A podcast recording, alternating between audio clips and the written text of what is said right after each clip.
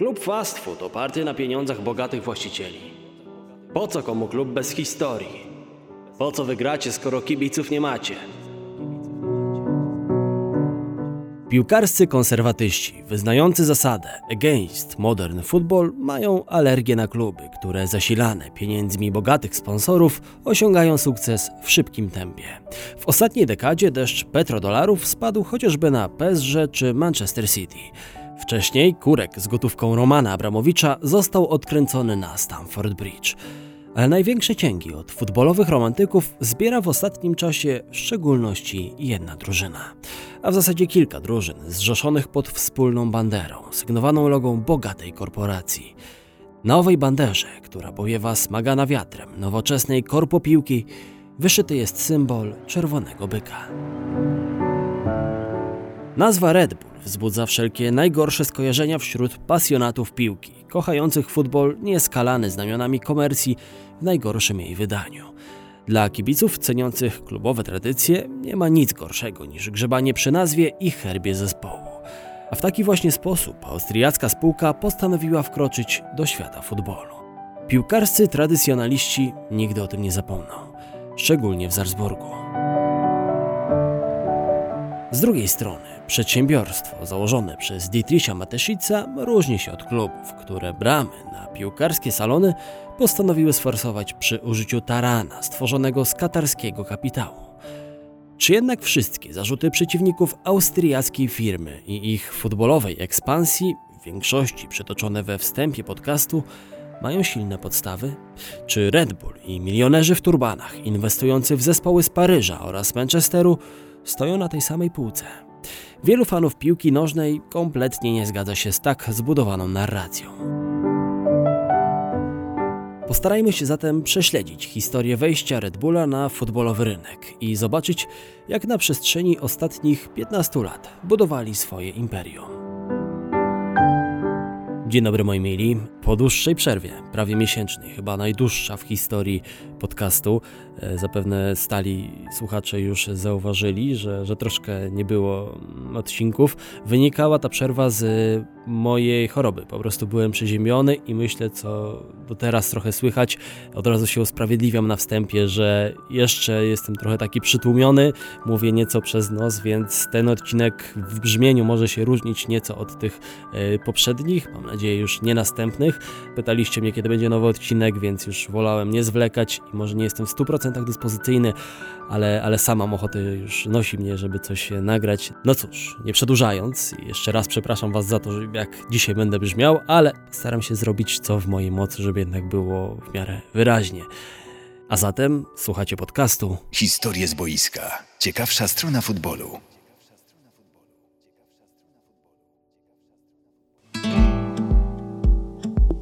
Na początku lat 80. wspomniany przeze mnie Dietrich Mateschitz przybywał w Tajlandii. Tam pewnego dnia spróbował napoju Kratin Den, który zawierał taurynę i kofeinę oraz miał właściwości pobudzające. Austriak odkrył wówczas, że ów napój pomaga mu przezwyciężać uczucie zmęczenia spowodowane jetlagami, wynikającymi z kolei z częstych podróży i zmian stref czasowych. Skontaktował się z Chaleo Juvidią, tajskim biznesmenem odpowiedzialnym za produkcję Kratinden. Namówił go do współpracy i inwestycji wartej po pół miliona dolarów na głowę, która miała na celu przeniesienie produktu na rynek europejski. Kolejne trzy lata zajęło im dopracowanie receptury napoju. Zmianie uległa także nazwa. Kratinden oznaczało czerwonego bizona. Mateschitz postanowił dokonać podmiany zwierzęcia znajdującego się w nazwie produktu. Ze względu na swój znak zodiaku wybrał byka. W końcu w 1987 roku Red Bull pojawił się na austriackim rynku. Od początku wzbudził jednak spore kontrowersje. Specjalistom od dietetyki i zdrowia nie podobała się szczególnie wysoka zawartość wspomnianej kofeiny i tauryny, które były składnikami napoju. Z tego powodu do dziś nie kupicie Red Bulla w takich krajach jak chociażby Norwegia, Islandia, Dania czy Urugwaj. Czerwony byk szybko zaczął podbijać rynek napojów energetycznych, dziś będąc absolutnym potentatem na tym polu i sprzedając około 6 miliardów puszek każdego roku. Przedsiębiorstwo od początku działalności promowało swoją markę poprzez inwestowanie w sport i sponsoring eventów. Początkowo Red Bull był jednak utożsamiany ze światem sportów ekstremalnych. Pod egidą napoju energetycznego odbywały się zawody deskorolkowe, freestyle BMX czy skoki do wody z klifów, czyli wszystko dla entuzjastów mocnych wrażeń, lecz jeszcze z dala od mainstreamu. Z upływem lat sportowe imperium Czerwonego Byka rosło w siłę, a ekspansja na kolejne sporty zataczała coraz szersze kręgi.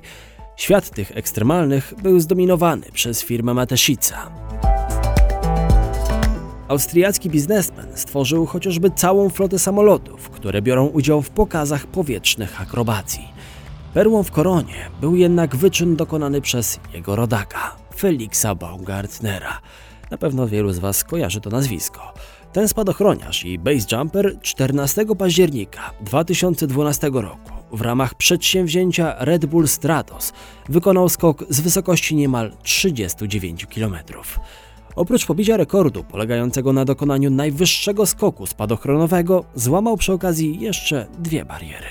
Najwyższy lot załogowy balonem oraz najwyższa prędkość swobodnego spadania, która wynosiła 1357 km na godzinę. Cały świat żył wówczas wyczynem Baumgartnera, który przełamywał ludzkie bariery, oklejony symbolami Red Bulla. W Polsce natomiast najbardziej kojarzony z charakterystycznym logo z dwoma czerwonymi bykami był nie kto inny jak, zgadza się, Adam Małysz, który większość swoich sportowych sukcesów odnosił eksponując je na swoim kasku. Inwestowanie w sporty ekstremalne czy narciarstwo z pewnością przynosiło koncernowi sporo frajdy. Jednakże tylko jedna dyscyplina gwarantowała austriackim krezusom od napojów energetycznych zarabianie naprawdę wielkich pieniędzy i bycie na ustach całego świata. Matesic wciąż słyszał od przyjaciół i doradców, że prędzej czy później musi wejść w świat piłki nożnej. Przełomowym dla Red Bulla okazał się rok 2005. Wówczas na torach Formuły 1 zadebiutował zespół Aston Martin Red Bull Racing. Chociaż Czerwony Byk był związany ze światem Formuły 1 już wcześniej poprzez sponsoring zespołów Zauber i Jaguar, to w tamtym momencie wszedł do tego sportu na poważnie, jako właściciel jednego z teamów, co ma zresztą miejsce po dziś dzień. Największy okres chwały na torach wyścigowych Austriacy przeżywali w latach 2010-2013, kiedy to reprezentujący ich zespół Sebastian Vettel cztery razy z rzędu zostawał mistrzem świata, a Red Bull Racing zwyciężał w klasyfikacji konstruktorów. Rok 2005 to także początek piłkarskiej przygody Imperium Mateszica, w którą koncern z logo Czerwonego Byka wszedł nie biorąc jeńców i na zawsze zniechęcając do siebie ogromną rzeszę fanów futbolu. Austria Salzburg. To na ten klub skierowali swój wzrok właściciele Red Bulla. Założony w 1933 roku zespół, trzykrotnie w latach 90. sięgał po mistrzostwo austriackiej Bundesligi. Czterokrotnie po Puchar tego kraju, a w 1994 roku doszedł nawet do finału Pucharu UEFA. 6 kwietnia 2005 roku Austria Salzburg została wykupiona przez Red Bulla i nawet jeśli fani początkowo byli nastawieni optymistycznie do tego przejęcia, wierząc, że oto do gry wchodzi bogaty sponsor, który wyciągnie klub z 70-letnią tradycją na europejskie salony, to ich entuzjazm zgasł szybko, niczym niedopałek papierosa pod podeszwą buta. Tak też mogli czuć się wieloletni fani trzykrotnego mistrza Austrii, porzuceni i zdeptani. Krezusi z branży napojów energetycznych postanowili urządzić istne trzęsienie ziemi i zmienić herb klubu, jego barwy, nazwę oraz zwolnić większość dotychczasowych pracowników. Ogłosili przy tym, że oto powstaje nowy klub bez historii, odcinając się od wcześniejszego dziedzictwa fioletowo-białych.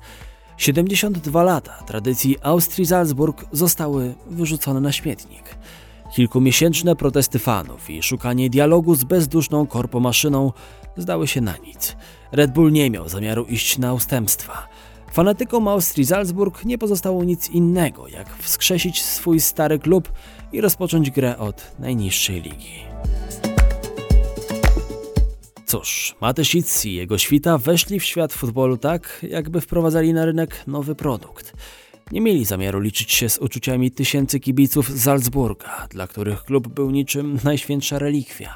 Właściciel Red Bulla nazwał protesty kibiców dziecinadą, a sprowadzony do klubu w roli doradcy Franz Beckenbauer mówił wprost. Nie ma znaczenia, w jakich barwach będziemy grać. Liczy się tylko sukces zespołu. Swoją drogą, to właśnie legendarny Kaiser był tą osobą, która ostatecznie przekonała Dietricha Mateschitza, prywatnie przyjaciela Beckenbauera, do zainwestowania w futbol. Powiedziałem mu, że jeżeli chce osiągnąć duże profity z inwestowania w sport, powinien skupić się na piłce nożnej. Tymczasem konflikt pomiędzy kibicami i sponsorem urósł do takich rozmiarów, że sympatycy ubrani w tradycyjne barwy Austrii Salzburg, czyli fiolet i biel, nie zostali wpuszczeni na mecz towarzyski Red Bulla z Hajdukiem Split. Trener nowo powstałego tworu, Kurt Jara, również nie miał zamiaru cackać się z osieroconymi fanatykami.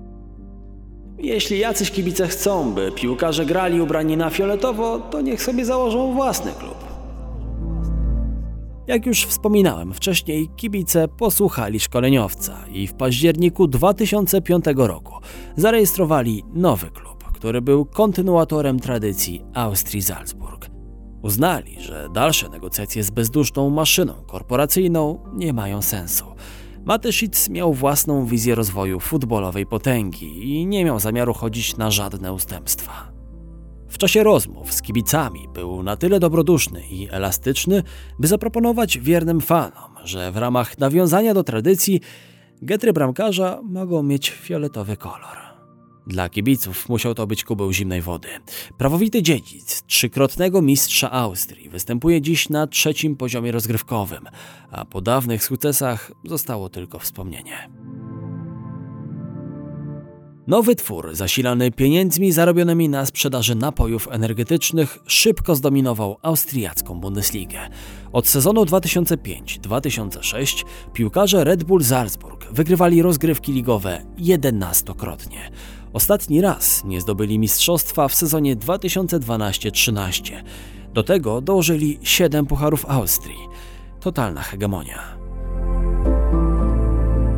I chociaż początkowo frekwencja na nowiutkiej Red Bull Arenie nie była zadowalająca, gdyż kibice z dystansem podchodzili do nowego tworu, to fala sukcesów Czerwonego Byka przysporzyła klubowi nowych fanów, spragnionych dobrego futbolu.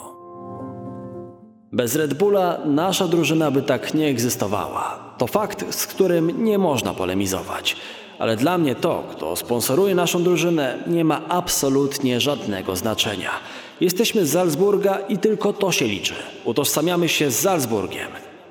Nigdy nie zapomnimy skąd się wywodzimy, dlatego będziemy wspierać wszystko, co nasze. Nie jestem fanem Red Bulla, jestem fanem Salzburga. Nawet jeśli kiedyś będziemy w drugiej czy trzeciej lidze, dalej będę fanem naszych klubów. Mówił w 2018 roku na łamach portalu Weszło.com jeden z kibiców austriackiego potentata. Cóż, zdominowanie ligowego podwórka może cieszyć, ale to zdecydowanie za mało, by zaspokoić ambicje takiego człowieka sukcesu jak Dietrich Mateschitz. Na arenie międzynarodowej Red Bullowi już nie szło tak dobrze. Dość powiedzieć, że ekipie z Salzburga udało się wejść po raz pierwszy do fazy grupowej Ligi Mistrzów dopiero w poprzednim sezonie. Wcześniej na ich drodze do awansu stawały takie zespoły jak Rijeka, Crvena Zvezda czy szwedzkie Malmö. Jeśli nie potrafisz poradzić sobie z takimi rywalami, to nie możesz marzyć o podboju starego kontynentu. Specy z Red Bulla przewidzieli taką ewentualność i wiedzieli, że ich piłkarska ekspansja musi wykroczyć poza granice Austrii. Malowniczy alpejski kraj jest dobrym miejscem, by rozwijać tam umiejętności narciarskie. Ale czy jest podatnym gruntem, by budować tam piłkarską potęgę? To kwestia dyskusyjna. Jednakże piłkarskie Eldorado znajdowało się tuż za granicą Austrii. Kraj czterokrotnych zdobywców Pucharu Świata wydawał się być idealnym miejscem, by zasiać tam kolejny plon na piłkarskiej farmie Red Bulla. Liderzy rynku napojów energetycznych skupili się na poszukiwaniu gruntów do zasiedlenia na terenach byłego NRD. Poszukiwania te rozpoczęły się już właściwie w 2006 roku, czyli w momencie, kiedy Czerwony Byk zaczynał dopiero urządzać się w Salzburgu. Znalezienie klubu chętnego do przyjęcia w swoje progi bogatych dobrodziejów spod Alp nie było jednak wcale takie proste. Niemcy wiedzieli, co stało się z Austrią Salzburg i podchodzili do oferty Red Bulla z dużą rezerwą. Z wysłannikami Mateszica rozmawiali między innymi działacze FC Saschen Lipsk, Lokomotive Lipsk, Chemie Lipsk, Hanzy Rostock czy Karl Zeiss Jena. Nikt z nich jednak nie był chętny podpisywać cyrografu i przyjąć austriackie srebrniki w zamian za sprzedanie duszy komercyjnemu diabłu.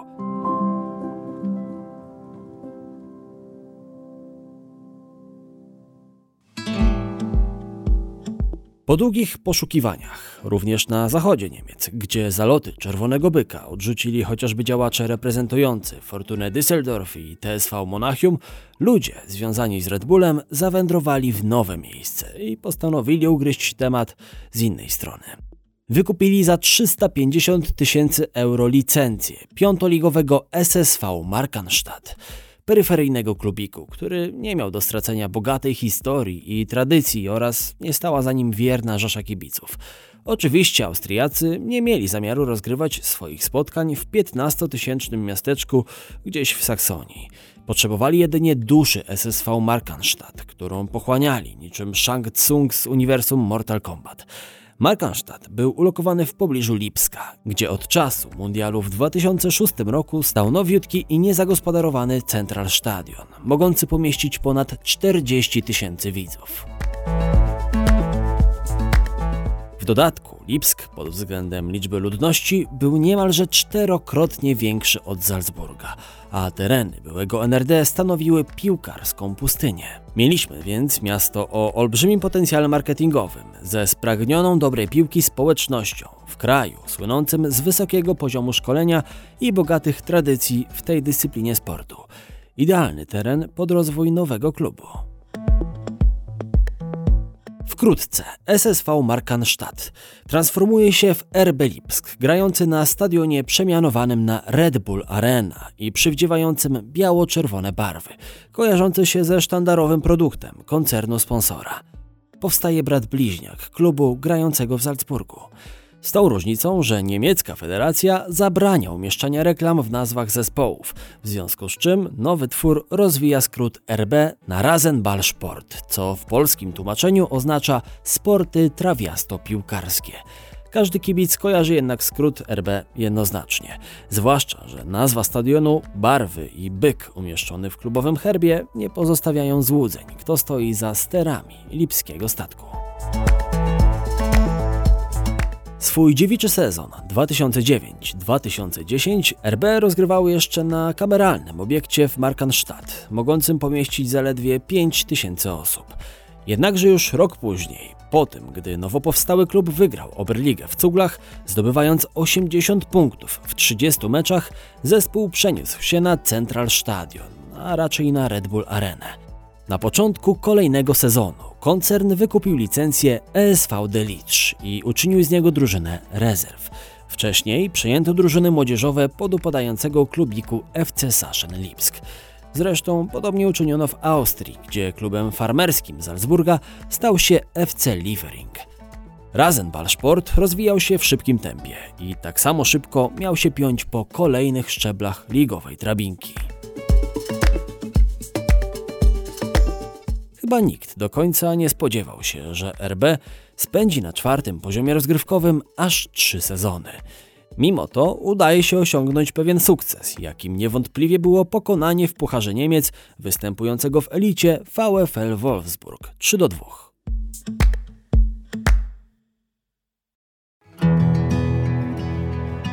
Być może to niespodziewane zatekowanie się w Regional Lidze sprawiło, że w pewnym momencie zmienia się optyka klubu. Zamiast ściągać, jak do tej pory starszych, zawodników z bagażem doświadczeń, którzy jednak w wielu przypadkach byli już wypaleni, postanowiono stawiać na uzdolnioną młodzież. Przed sezonem 2012-13 do klubu zostaje ściągnięty Ralf Rangnick, który ma pełnić rolę dyrektora sportowego. Wcześniej przez kilka lat z powodzeniem sprawował funkcję trenera w innym klubie, kojarzącym się w Niemczech z zachcianką bogatego właściciela TSG Hoffenheim. Był opiekun wieśniaków, jak za naszą zachodnią granicą pieszczotliwie określa się Hoffenheim, ma sprawować pieczę również nad zespołem Salzburga. Rangnick wywiązuje się z powierzonej mu funkcji kapitalnie.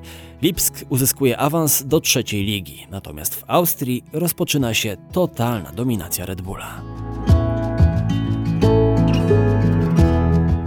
Awansem kończy się także kolejny sezon. RB wydaje na transfery w trzeciej Fußball Lidze 2 miliony euro. Reszta ligowej stawki może tylko pomarzyć o operowaniu takimi kwotami.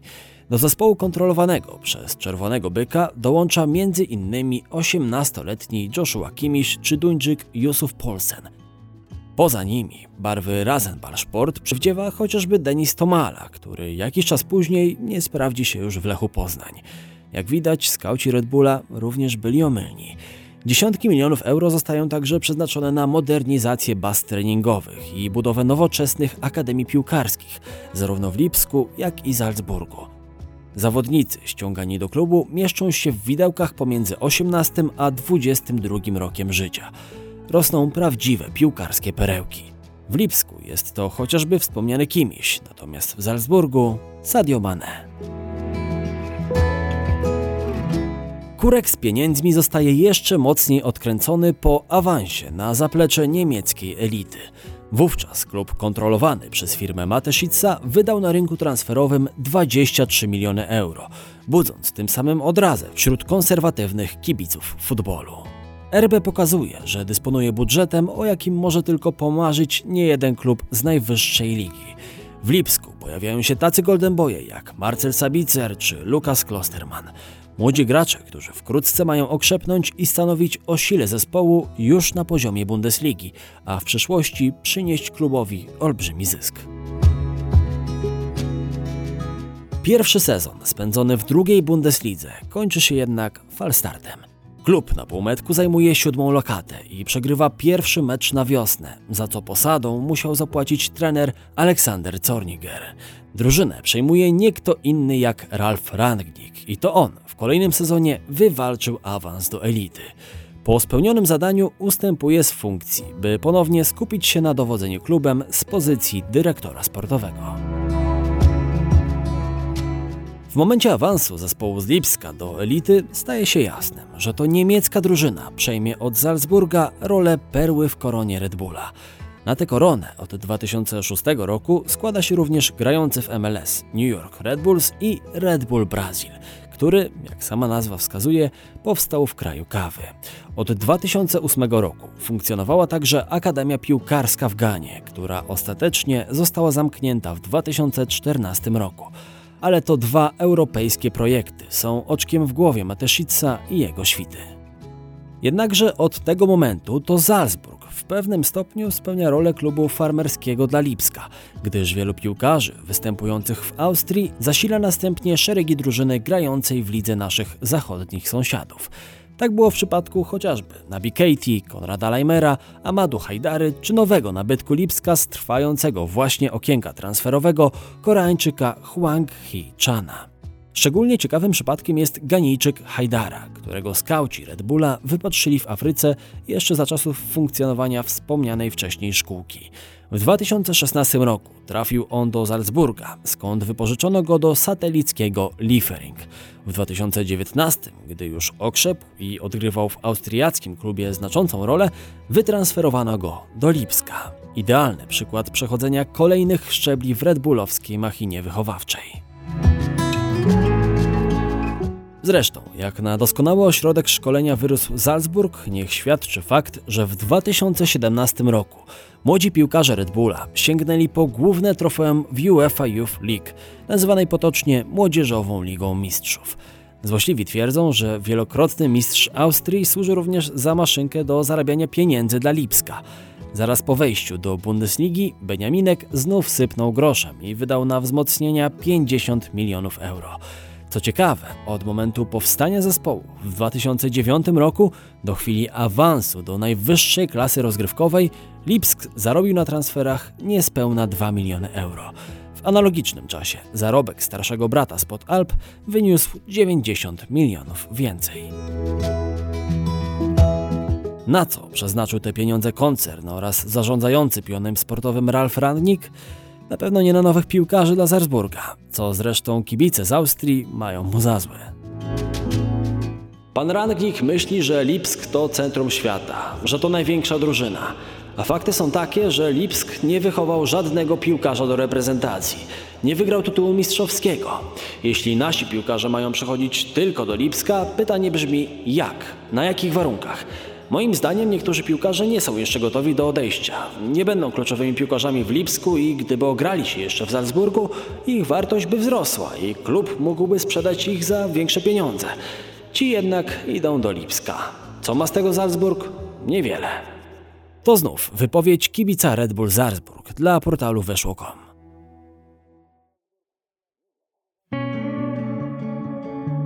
Rasenball Sport w swoim pierwszym sezonie w Bundeslidze zachwycił wszystkich, rozpoczynając kampanię serią 13 meczów bez porażki i wywalczając tytuł wicemistrzów Niemiec. W zespole pojawiły się kolejne młode talenty w postaci Dajota Upamecano czy Timo Wernera, który wyrósł na jednego z czołowych snajperów ligi niemieckiej. Na czele zespołu stanął Ralf Hasenhüttl, trener odpowiadający standardom RB Lipsk. Młody, perspektywiczny i głodny sukcesów. Drugi sezon, 17-18, nie był już jednak tak owocny. Zespół Saksonii zakończył go na szóstym miejscu w tabeli. Po sezonie Hasenhüttl, nazywany alpejskim klopem, opuścił zespół i przeniósł się do Premier League, by tam poprowadzić Southampton. Drużynę po raz drugi przejął Ralf Rangnick. Ostatnie dwa sezony to dwa trzecie miejsca RB Lipsk w lidze i kolejne przetasowania na trenerskim stołku. Rangnick otrzymał posadę dyrektora do spraw sportu i piłki nożnej w spółce Red Bulla. Jego miejsce zajął natomiast największy trenerski talent Niemiec, a być może i świata 33-letni Julian Nagelsmann, który do tej pory pracował w TSG Hoffenheim. To pod jego wodzą RB Lipsk zaliczył tak świetny start w zakończonej niedawno edycji Ligi Mistrzów, gdzie dotarli do półfinału rozgrywek. Jesteśmy dumni, że doszliśmy do półfinału, nawet jeśli teraz frustracja bierze górę. RB Lipsk jest jednym z czterech najlepszych zespołów w Europie, a to nie jest takie oczywiste. Potrzeba naprawdę wiele, aby wygrać z takim rywalem jak PSG. Przed nami jeszcze długa droga do tego poziomu. Wciąż jednak chcemy się rozwijać. Mówił szkoleniowiec RB po porażce 0 do 3 z PSG. Jak widać, Lipsk wszedł z przytupem nie tylko do Bundesligi, gdzie z miejsca stał się jedną z głównych sił w niemieckiej piłce, ale zgłasza również aspiracje do tego, by na stałe zagościć na europejskim futbolowym salonie, co nie było tak oczywiste w przypadku zespołu Salzburga, który aż jedenastokrotnie bez powodzenia szturmował bramy Ligi Mistrzów. Jednakże i ekipa spod Alp w ostatnich latach poprawiła swoje wyniki na arenach Starego Kontynentu. W sezonie 2017-18 doszła do półfinału Ligi Europy. Sezon później spotkała się natomiast z Lipskiem w fazie grupowej tych rozgrywek i dwukrotnie była górą w bezpośrednim starciu, co z pewnością sprawiło olbrzymią satysfakcję kibicom z Salzburga, sfrustrowanych tym, że Rangnick i spółka traktują ich klub po macoszemu. Największym problemem Salzburga jest RB Lipsk, na którym skupiona jest teraz cała uwaga władz. A przecież Salzburg można było zobaczyć w zeszłym sezonie w półfinale Ligi Europy. Zobacz, ilu piłkarzy z Lipska ma przeszłość w Salzburgu. Sześciu, siedmiu z pewnością. W Salzburgu jest wykonana jakaś praca, a potem Lipsk mówi sobie, że chce jakiegoś piłkarza i to po prostu on jest transferowany. Werbe Lipsk, praca z młodymi, to tylko takie na alibi. Mają niby drużyny młodzieżowe, ale ci piłkarze później przepadają. Nie stawia się na nich. Jasne, Lipsk jest większym klubem, gra w lepszej lidze, ale młodemu zawodnikowi polecałbym raczej Salzburg. Mówił na łamach portalu weszło.com Tomasz Dane. Był bramkarz m.in. Red Bull Salzburg oraz Wisły Płock. Pewnego rodzaju pokazem siły koncernu produkującego napoje energetyczne były ostatnie rozgrywki Champions League. Salzburg awansował w końcu do Ligi Mistrzów dzięki pozycji Austrii w rankingu krajowym UEFA, który z automatu dał im miejsce w fazie grupowej. W ten sam sposób awansował Lipsk, trzeci zespół niemieckiej Bundesligi. Rok wcześniej, gdy obie drużyny przystępowały do rozgrywek międzynarodowych, wynikł kolejny problem, który stanowił fakt, że w rozgrywkach UEFA nie mogą wziąć udziału dwa kluby posiadające tego samego właściciela. UEFA wszczęła postępowanie w tej sprawie i przeprowadziła śledztwo. Co ustalili przedstawiciele europejskich władz piłkarskich? Jedna osoba ani spółka prawna nie mają decydującego wpływu na więcej niż jeden klub. Taki był ostateczny werdykt, a co za tym idzie, oba kluby mogły w spokoju przystąpić do rozgrywek. Lipsk jako Rasenballsport, natomiast mistrz Austrii jako FC Salzburg. W ten sposób pominięto zapis uniemożliwiający reklamowanie sponsora w nazwie drużyny. Ralf Rangnick zrezygnował ze stanowiska dyrektora sportowego obu klubów, a dyrektor wykonawczy Lipska, Oliver Minslav, z funkcji szefa rozwoju całej sieci klubów Red Bull.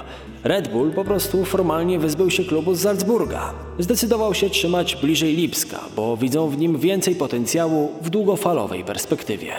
Tłumaczył decyzję UEFA jeden z prawników prowadzących śledztwo. Klub z ojczyzny Mateszica odpadł jednak już po fazie grupowej, ustępując pola Liverpoolowi i Napoli. O dojściu do półfinału Lipska wspominałem wcześniej. Jak kilkukrotnie napomknąłem już w tym podcaście, kluby sponsorowane przez Red Bulla mają ogromną rzeszę zagorzałych przeciwników, nie tylko wśród przywiązanych do tradycji kibiców z Lipska czy Salzburga, ale i na całym świecie. Wielu fanom futbolu nie podoba się niszczenie tradycji klubów, na gruzach których powstają projekty Mateszica. Przeciwnicy Czerwonego Byka zarzucają także korporacji próbę odnoszenia sukcesów w ekspresowym tempie, opierając się jedynie na zasobności skarbca koncernu. Uznają Lipsk i Salzburg za kluby bez tradycji, piłkarskie fast foody mające na celu jak najszybsze odhaczanie kolejnych deadline'ów, piłkarska korporacja bez duszy, wyścig szczurów z piłką nożną w tle. Gdy Red Bull chciał przejmować kluby zasłużone dla niemieckiej piłki, jak TSV Monachium czy Sankt Pauli, w mieście odbywały się żarliwe protesty, przeradzające się w burdy. Nikt nie chciał sprzedać duszy diabłu, a fanatycy byli gotowi stanąć w obronie Starego Ładu, być może nawet przelewając za niego krew. Zespół z Lipska jest regularnie obrażany na większości stadionów Bundesligi, na których przychodzi im rozgrywać mecze.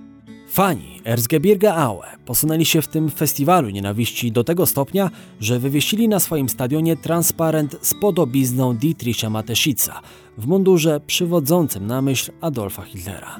Okrasili go następującą treścią. Austriak woła i wy ślepo idziecie. Każde dziecko wie, jak to się skończy. Moglibyście być dobrymi nazistami. Szokująca i przerysowana do granic absurdu oprawa. Red Bull połączył nawet zagorzałych wrogów. Oto wypowiedź jednego z fanów Lokomotive Lipsk. Wcześniej w Lipsku rządziły dwa duże kluby Chemi i Lokomotive. Różniło nas wszystko. Chemi było drużyną robotniczą, my mieszczańską. Oni byli lewicowi, my prawicowi. Od kilku lat zaczęliśmy się zgadzać w jednym punkcie. I my, i oni nienawidzimy RB. Nagle pojawił się w mieście ktoś większy niż my razem wzięci a nic nie łączy tak, jak nienawiść do wspólnego wroga. W 2015 roku kibice FC Heidenheim obrzucili autobus zespołu setkami przerobionych banknotów dolarowych z wydrukowaną karykaturą Dietricha Mateszica, który miał duży nos i napis Scheiß Red Bull. Nikomu chyba nie muszę tłumaczyć tego zwrotu, prawda?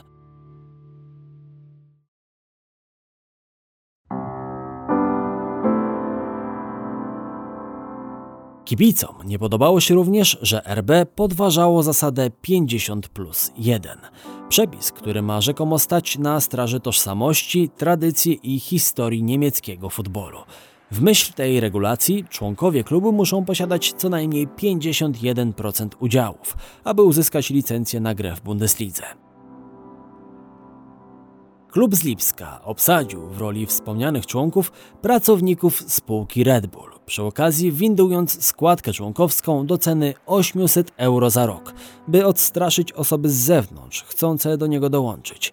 Dodatkowo zastrzegli sobie prawo do odrzucania wniosków o wstąpienie w ich szeregi bez podania przyczyny.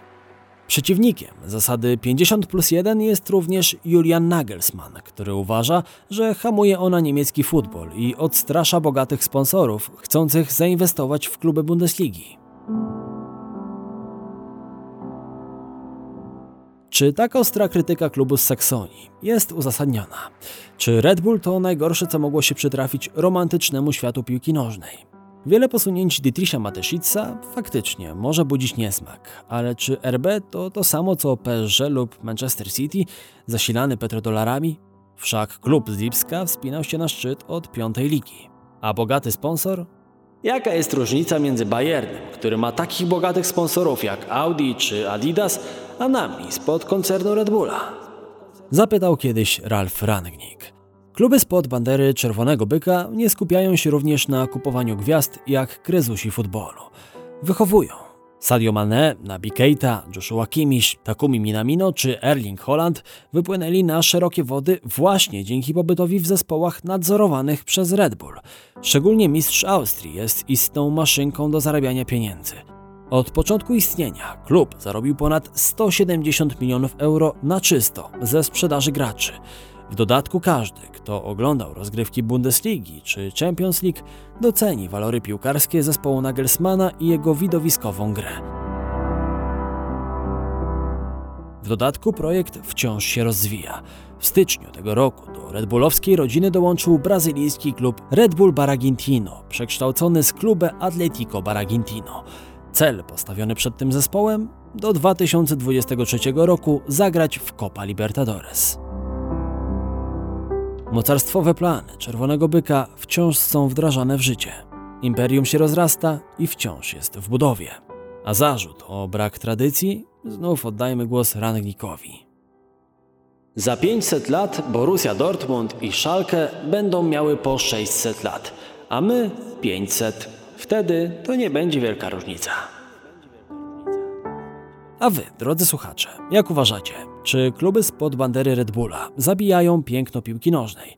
Czy w tak konserwatywnym kibicowsko kraju jak Polska przyjąłby się projekt koncernu Dietricha Mateszica? Czekam na Wasze opinie i zachęcam do dyskusji w komentarzach na YouTube. Jeszcze raz przepraszam Was za mój nieco stłumiony dzisiaj głos, następnym razem na pewno będzie lepiej. Tymczasem to wszystko na dziś. Konrad Szymański, kłaniam się nisko. Do usłyszenia.